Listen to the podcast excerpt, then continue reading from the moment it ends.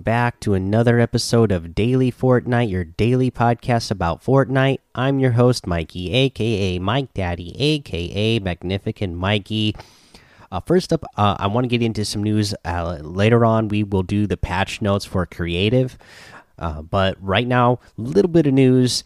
I saw this going on in, you know, all around social media today. And here's it turns out. I didn't know if this was true, if people were messing around, because you know how people like to do on social media. But yes, there is stretched resolution in Fortnite for PC players once again.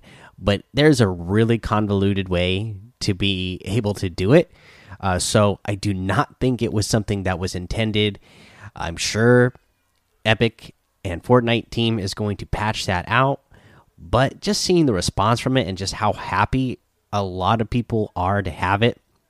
I mean, I wouldn't add stretched resolution into the game, but to have a field of view slider, just if they could add a field of view slider into the game, I think that would be really great. That would allow both PC players and console players to be able to adjust things since you know, since they uh, I mean, they've done a little bit more recently to separate out lobbies. I mean, they've had Xbox only tournaments, PS4 only tournaments, uh, and whatnot. But most for the you know for the most part, the the main tournaments are mixed lobbies. Uh, and if somebody's playing on console in those, uh, they're obviously not going to get all the advantages that you can take advantage of on PC, like you know uh, being able to turn off shadows, uh, now stretched res, uh, so I feel like if they just put a field of view slider into the game, that could make everybody happy. People who just want to leave the view the way it is, they can leave it. But people who want to adjust it for the more serious competitive player who wants a wider uh, field of view to be able to see more as they're fighting, uh, then they could adjust the the field of view. I, I think it's something that at this point uh, the community, uh, you know, especially the competitive community, I should say, wants it so bad uh, that I feel like that would be a good way to make things even and not make the game look so bad. Because here's the thing. so I saw, you know, people were getting excited about this. Hey, oh my gosh, like field, you know, uh, not field of view, uh, stretch res is back, and that's going to be so amazing.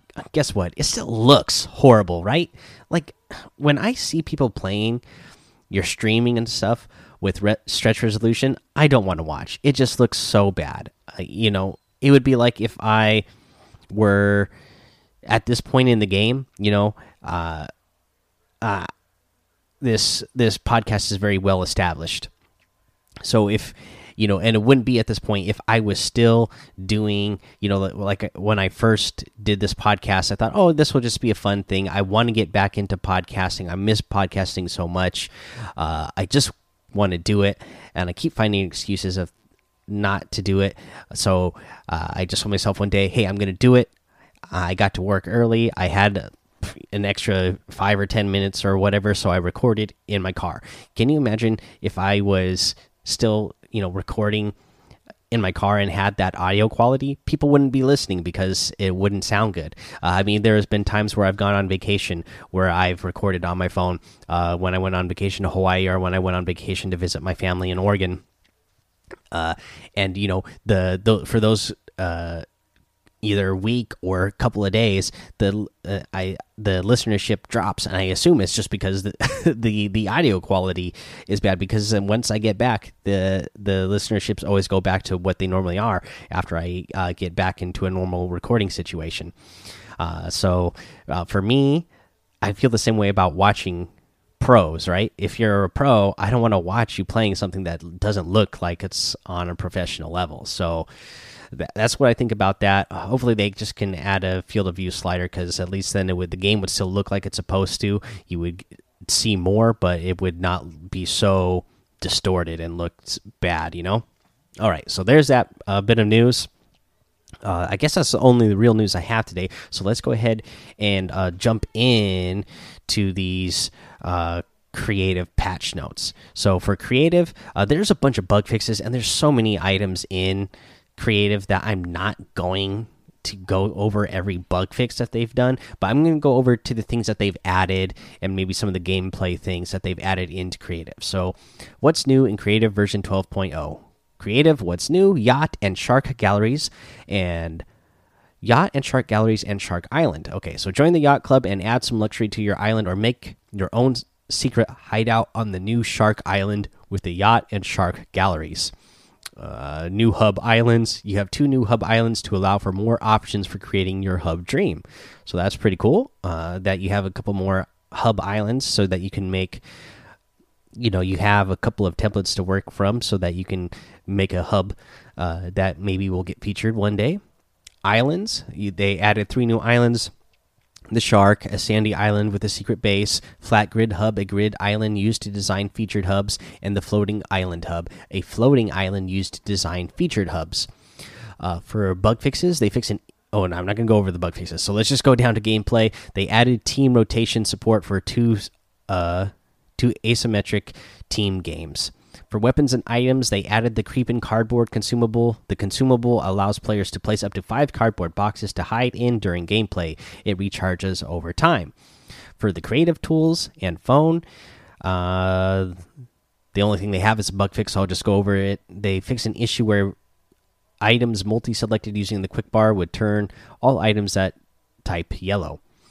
Uh, for prefabs and galleries, they added one new prefab, the yacht, and they added nine new galleries the yacht gallery, the yacht prop gallery, the shark wall gallery, the shark floor and stair gallery, the shark rock gallery, the shark rock.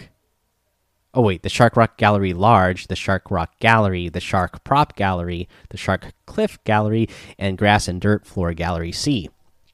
They added purple water to the Elemental Cube Gallery. They added bus seats, ramp, air conditioning units, and doors to the variant car gallery C. They added enterable RV trailers to variant car gallery B, and they added more street signs to uh, gallery A. For devices, they added the creeping cardboard device.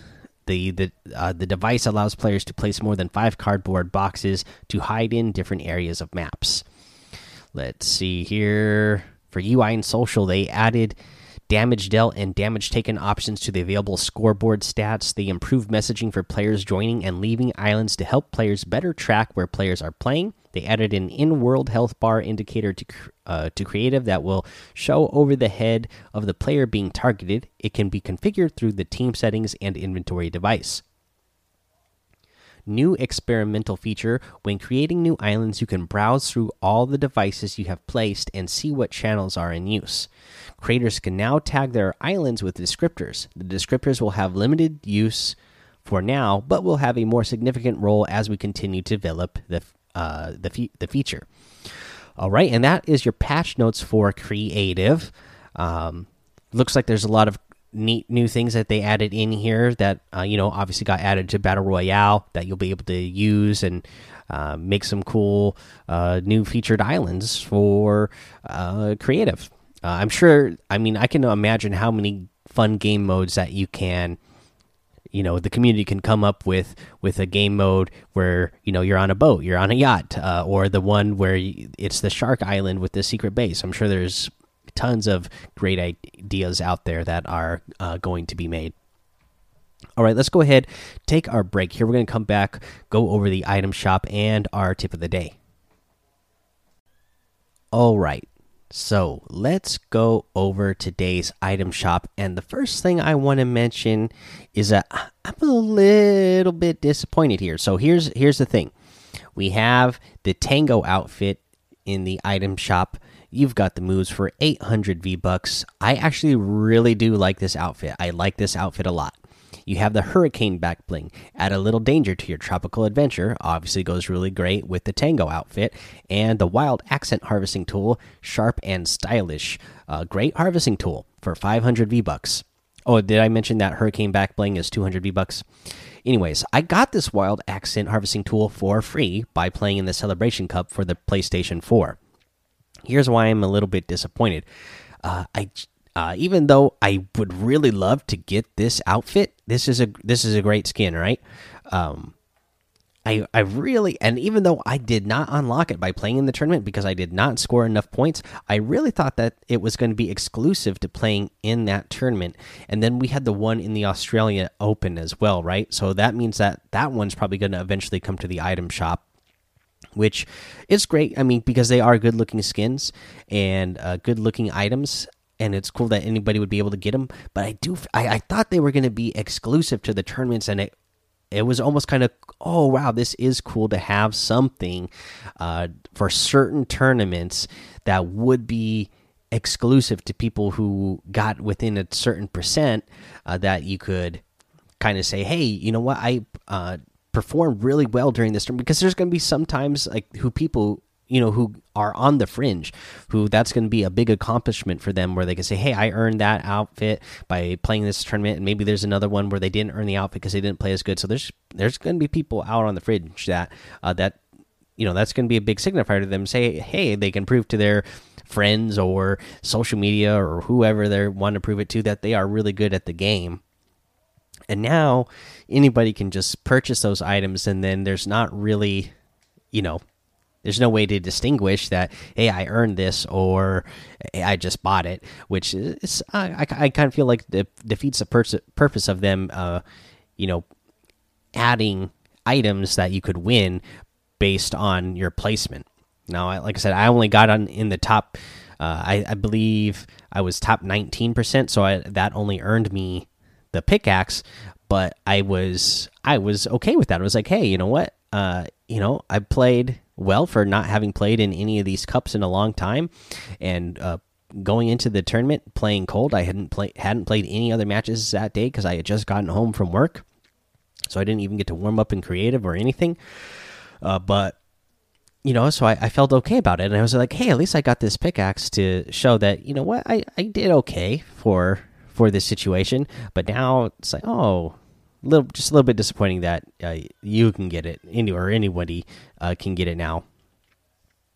But that's just my thoughts. I'll be curious to know what you guys in the community think. Uh, we have the luminos outfit in here that comes with the lunar light back bling for 1500 i really love this outfit as well. This is a great looking one. The astral axe harvesting tool for 1200 uh, because oh not sorry because uh, but i also love this one a lot we have the shard break uh, wrap for 500, the Arcana glider for 1,200, and the Dream outfit that comes with the Shattered Wing backbling for 1,200. Absolutely love this one. Uh, we have the Sanctum outfit for 1,500. This one comes with the Coven Cape back bling. Uh, this one looks really good as well. The Arctic Assassin outfit for 1,200. Really good looking one. The Laugh It Up emote for 500 the Peely Pick harvesting tool for 800, the Mind Blown emote for 200, and a new advanced math emote. Break it down and show your work. Your character is dancing, and they are making uh, the multiplication sign, the equal sign, the division sign, and as the plus sign, the minus sign, and as you do that, uh, little emoticons pop up over your character of whatever uh, you know, math symbol that they are making. And the music's actually really cool for this one as well. So they've been they've been killing it with the music lately for a couple of the emotes that are in the battle pass and now this new emote uh, the music uh, they, they are killing it lately with that anyways you can get any of these items including the battle pass if you haven't gotten battle pass yet with code mike daddy m m m i k e d a d d y in the item shop and the proceeds will go to help support the show all right, guys. Uh, here is our tip of the day. So now we got these new locations, right? Uh, we talked about them yesterday, and uh, these these places will have uh, the secret bases where you can get really good items. And I'll tell you what, me and my eight year old son uh, went there yesterday, and it's worth it, right? I mean, the items that you can get out of there are so good. Uh, but here's the thing: if you drop there straight away, you're gonna get dominated. Here's the thing: because you're gonna land there, the henchmen they have weapons. If you land somewhere, uh, you might not. You know that if you land somewhere with the floor loot, you don't know what floor loot's going to be there. It might just be, you know, a healing item. It might be material. You don't know what it's going to be each match. So if you're going to go to one of these places and take advantage of it, land in a location nearby, get your weapons, and then go there. And especially right now, these locations are so hot because they're new, right? These first couple of days, everybody's going to be landing in these locations, especially over this first weekend, because uh, you know a lot of kids and uh, you know a lot of adults like myself who have to work during the week or go to school during the week don't get as much time to play. But over the weekend, uh, more people are going to get more time to play the new map and play this new season. They're going to be landing in all these spots, uh, and they're going to be hot. It's going to be tough to contest to get anything good out of there. But if you land in a location nearby, uh, then you you load up before you go there. Then you can easily take down the henchmen. It's not that hard to take down the henchmen.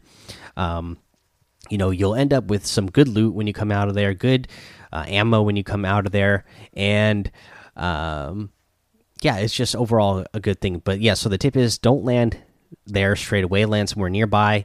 Uh, get yourself loaded up first before you go there. That way you can, you know, have a weapon to shoot with, have a little bit of material. That way, when the henchmen do shoot back, that you can at least, you know, build a ramp uh, or a wall with a window, so that the henchmen have a little bit harder time hitting you just in case you get in sticky situation when you're going through those secret areas also be careful there's uh secret cameras that will start shooting at you. So be on the lookout for those. Start getting familiar with where they are in each uh, secret hideout location so that when you step in those areas, you can take those out right away before they start doing big damage to you. Because once you get in that vault, uh, man, uh, the, the stuff you get out of the vault is totally worth it.